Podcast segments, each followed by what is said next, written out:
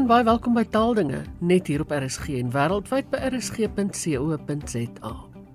Nou, soos wat taal voortdurend verander, verander ook die wyse waarop wetenskaplikes oor taal dink. My gas is die taalkundige van die Universiteit van Pretoria, Celine Pilon. Sy vertel meer oor heersende teorieë oor taal en die kognitiewe wetenskap en tegnologiese vooruitgang in die verband. Solinda het onlangs berig dat 'n span wetenskaplikes aan die Universiteit van Texas in Austin dit reg gekry het om te ontsyfer wat mense gehoor en gedink het deur van fMRI skanderings gebruik te maak. Wat presies het hierdie wetenskaplikes gedoen en beteken dit dat mens binnekort dalk mense se gedagtes sal kan lees? En dit beteken eintlik dat ons reeds mense se gedagtes kan lees of eintlik wel dat daai wetenskaplikes die deelnemers aan die studie se gedagtes kon lees ten minste want dit gaan waarskynlik nog 'n rukkie wees voor ek en jy mekaar se gedagtes sommer net sal kan lees. Uh, en ek moet net eers sê dis nie die eerste keer wat dit moontlik was om op hierdie manier mense se gedagtes eintlik in woorde om te sit nie. Vroer moes daar wel 'n rekenaarskyfie diep in 'n mens se brein ingeplant word om dit te kan doen. En nou in hierdie onlangse navorsing word daar soos jy gesê het net van fMRI skanderings gebruik gemaak. Nou fMRI is die afkorting vir funksionele magnetiese resonansbeelding en fMRI skanderings word geneem in daai groot masjien waarby 'n mens so ingestoot word wat so groot geraas maak wat mens dikwels op dokter en hospitaal stories sien. So alhoewel dit nie lekker is binne in daai skandeerder nie uit die aard van die saak ek dink baie mense kry uh, nogal eng te vrees daarbinne, is dit baie minder ingrypend as om 'n mikroskyfie in iemand se kop in te plant. So wat eintlik die groot deurbraak is van hierdie navorsing is dat hulle nou so net met fMRI beelde eintlik kan weet wat iemand gehoor het of selfs kan weet wat iemand gedink het. So hoe werk fMRI net gou iets daaroor? Nou breinaktiwiteit word geassosieer met veranderinge in relatiewe konsentrasies van suurstof in die bloedtoevoer. So waar daar breinaktiwiteit is, kort die brein meer suurstof en die bloed wat dan nou na daardie area toe gaan, het dan meer suurstof in om suurstof na daai area toe te neem. So ons weet watter dele van die brein aktief is as uh, deur te kyk na die geoksideerdheid in die bloed. So hoe meer suurstof, hoe hoër die oksidasie is van die bloed, hoe meer aktiwiteit is in daai area van die brein aan die gang. En nou veranderinge in die rasio geoksideerde tot gedeoksideerde bloed kan waargeneem word deur so 'n fMRI skandeerder en sodoende kan ons deur na die fotos te kyk aflei watter dele van die brein aan die werk is tydens die skandering. En wat hierdie span navorsers toe gedoen het, is om fMRI beelde te neem terwyl drie verskillende deelnemers vir 16 uur lank na potsendings en radiostories geluister het. So dit was daarna moontlik om hierdie fMRI beelde te belyn met dit wat die deelnemer op daardie stadium gehoor het of geluister het dan nou. En die belynde data is gebruik om 'n masjienleer klassifiseerder af te rig. Nou wat dit is, is dis 'n algoritme, 'n rekenaarprogram tipe ietsie wat self kan leer hoe om nuwe gevalle te kategoriseer op grond van ou gevalle. So die stelsel leer regtig hoe om dinge te doen uit data wat dan nou op hierdie manier belyn is.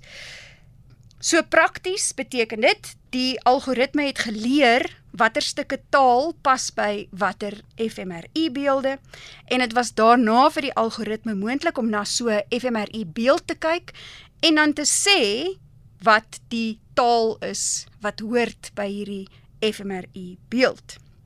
Uh die navorsers kan dan die raaiskote wat die algoritme maak vergelyk met wat die regte woorde is wat die deelnemers gehoor het op daai stadium En die resultate toon aan dat hierdie masjienleeralgoritme op grond van net daai fMRI beelde 'n hele storie kan genereer wat baie goed vergelyk met wat die deelnemers oorspronklik gehoor het. So as dit ware kon hierdie algoritme die potsending of die radio storie waarna die mense geluister het rekonstrueer net op grond van hierdie fMRI beelde.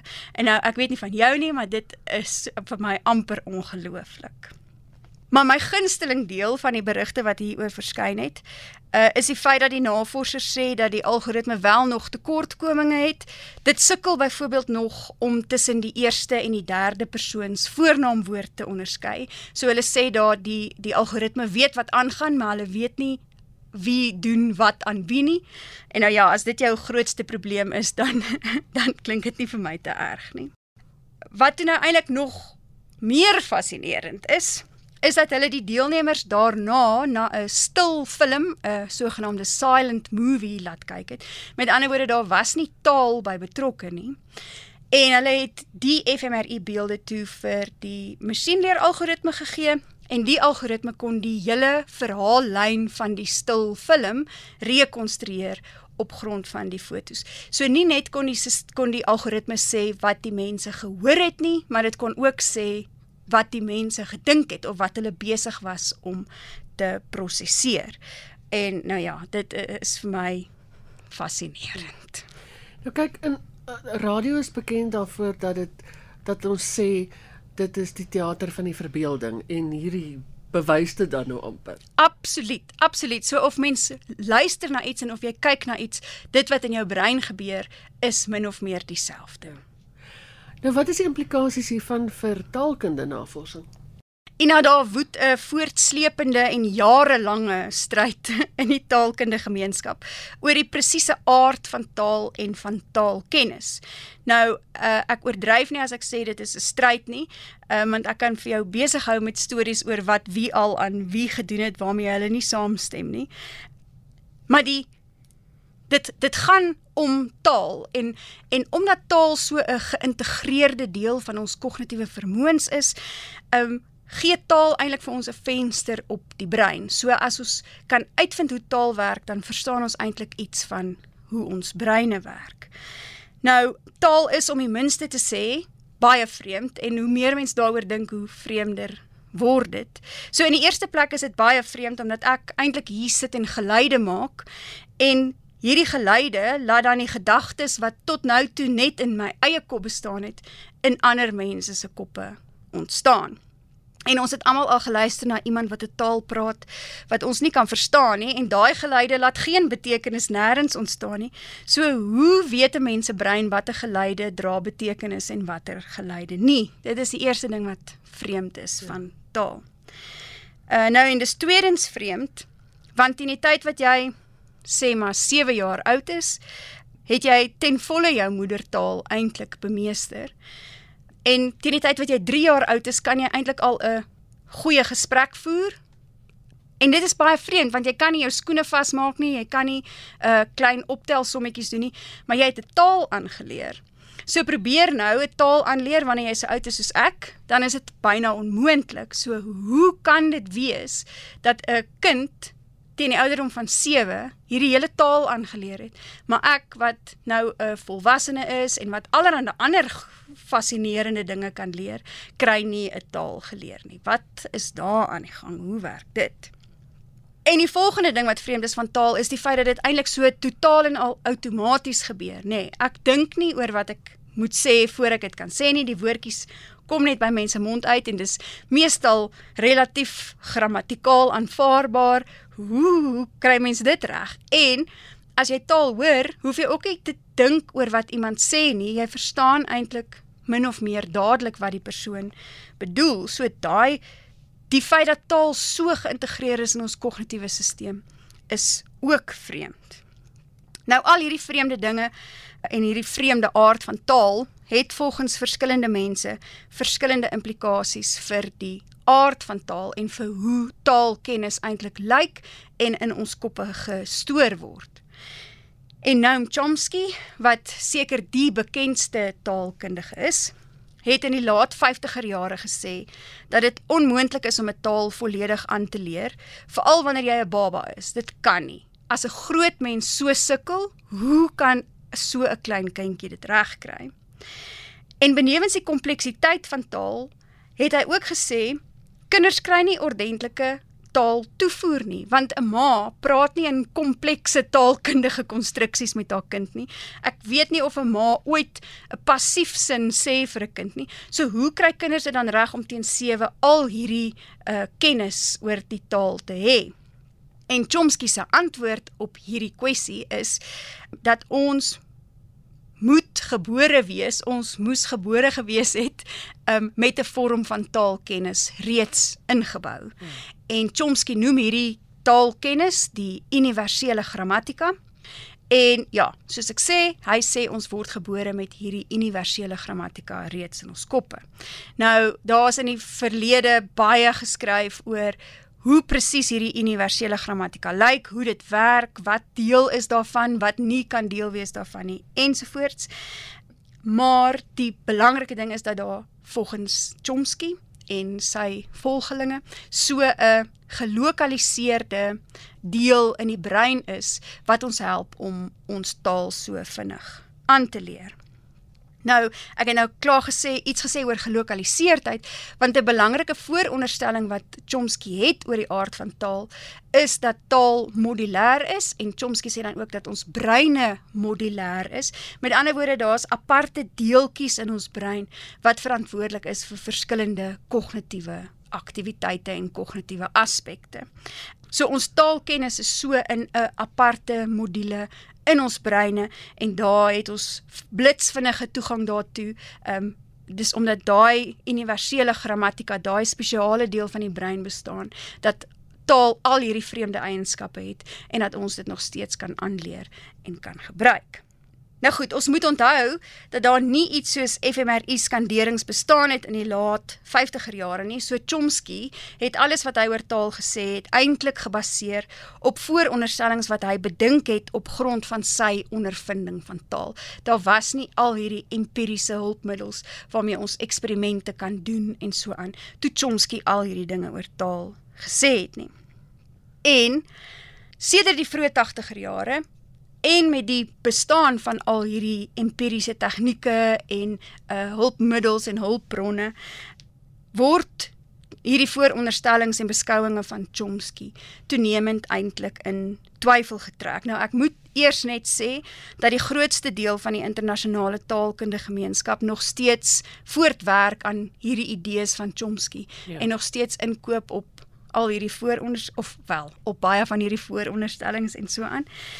Maar daar was 'n paleisrevolusie in die kleine en 'n klein groepie taalkundiges het begin sê, "Hm, miskien is dit nie heeltemal presies hoe dit werk nie. Ons kry nou al hierdie ander data van eksperimente en van ehm um, skandeerders en so aan. So miskien moet ons op 'n ander manier begin dink oor taal en die klein groepie uh, taalkundiges word al hoe groter en groter soos wat die tyd verloop." So wat wat al hierdie nuwe tegnieke en metodes gebring het, is dat dit onder andere nou vir ons moontlik is om te gaan kyk uh na taal kindertaaldata ja. en dan kan ons sien wat presies is dit wat 'n kind weet wanneer sy 3 jaar oud is. Wat presies is dit wat 'n kind van taal weet wanneer sy 7 jaar oud is ensovoorts. En jy sal nie verbaas wees om te hoor dat 'n uh, 7-jarige se taalvermoë baie anders lyk as 'n 30-jarige se taalvermoë nie. 'n Mens is toenemend besig om nuwe konstruksies aan te leer, om nuwe woorde aan te leer. 'n Mens se taalvermoë verbeter en verander eintlik solank as wat jy taal hoor en taal gebruik. Ja. So wat ek altyd vir mense sê is as jou matriekkind nie ordentlik kan spel en skryf nie, moenie bekommer nie. Dit gaan nog verander. Daai kind gaan nog baie dinge byleer oor taal in die res van haar lewe. Ons weet ook nou dat selfs volwasse individue se taalvermoë nie presies op dieselfde vlak lê nie. So party mense is gewoon beter taalgebruikers ja. as wat ander mense is. Ja. Ehm ja. um, anders as wat Chomsky gesê het want hy het gesê alle uh tipies ontwikkelende mense um leer taal eintlik op dieselfde vlak aan en ons weet nou dat dit nie heeltemal die geval is nie. Nou ek kan bietjie so aangaan. Daar's heelwat van hierdie vooronderstellings wat uh uit die laat 50er jare dateer, um wat ons intussen weet nie die waarheid is nie. Maar wat is dan nou hier belangrik vir ons bespreking vandag? Wat ja. wat bring hierdie nuwe navorsing nou vir ons na die uh na die taalkunde veld toe? Goed. Hierdie nuwe metodes, nê, nee, om fMRI skandeerders te gebruik om taalkunde navorsing te doen is is absoluut fantasties. Want wat ons nou kan gaan doen is ons kan nou gaan aantoon nee die brein is nie modulêr modulêr nie, hoor. Ja. Ehm ja. um, daar's baie verskillende areas van die brein wat aktief is wanneer ons taal gebruik. Byvoorbeeld, ons weet nou as jy self 'n bal skop en as jy iemand sien 'n bal skop en as jy praat oor 'n bal skop, dan aktiveer dit dieselfde areas in die brein. So taal en ons motoriese vaardighede is baie nou verweef met baie nouer verweef met mekaar as wat in die verlede geglo is. So hierdie nuwe metodes bring fantastiese geleenthede vir ons om regtig navorsing te doen oor presies wat die aard van taal is. Um wat is die wat is die verhouding tussen taal en die brein? Hoe beïnvloed taal die brein en die brein taal en so aan en al hierdie dinge maak my verskriklik opgewonde. Dis dalk hoekom mense wat sê nou maar 'n beroerte gekry het dikwels ook nie kan praat nie absoluut dis absoluut dit Ina en die die ander fantastiese uh, geleenthede wat navorsing soos hierdie bring is dat sulke mense wat om een of ander rede as gevolg van 'n breinbesering of as gevolg van atipiese kognitiewe ontwikkeling 'n 'n probleem het met praat en nie kan kommunikeer nie dat stelsels soos hierdie kan dan binnekort afgerig word om sulke mense by te staan om dan uiteindelik ook baie makliker uh in natuurlike taal te kan kommunikeer. En anders as in die verlede waar hulle 'n mikroskyfie in jou brein moes inplant, ja. um, kan hulle nou eintlik net deur middel van so 'n afgerigte algoritme uh, vir jou 'n stelsel bied wat jou gedagtes eintlik in woorde kan omsit. Celine, wat beteken dit dan nou vir um ons Suid-Afrikaners wat sê nou maar of enige mens wat die pa een taal praat en die ma ander taal? Hoe het hierdie goeie se invloed daarop? Ja, Ina, jy het 'n um, paar weke terug met Gerard van Huisteen gepraat oor diasistemiese ja. konstruksie grammatika ja. en dit gee hierdie tegnieke gee ons ook absoluut die geleentheid om te gaan kyk hoe presies lê verskillende tale ten opsigte van mekaar in die brein. Want jy kan 'n uh, 'n mens so in 'n fMRI skandeerder sit en jy kan laat hulle 'n um, uh, Engelse sin lees en dan eintlik presies dieselfde of 'n Afrikaanse vertaling van die sin lees en kyk wat gebeur in hulle breine of dat hulle Afrikaans hoor en Engels hoor en kyk wat gebeur in hulle breine en en dan kan mens regtig gaan kyk waar sit al hierdie stukkies taal ja. en ek bedoel as as ons nou al met voet met fMRI beelde kan sê wat die woorde is wat met daai beelde gepaard gaan.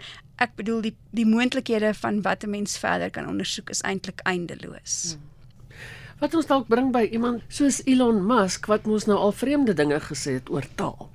Inderdaad, Ina, hy het al vreemde dinge gesê oor baie, baie dinge, goed, ja. maar ook oor taal.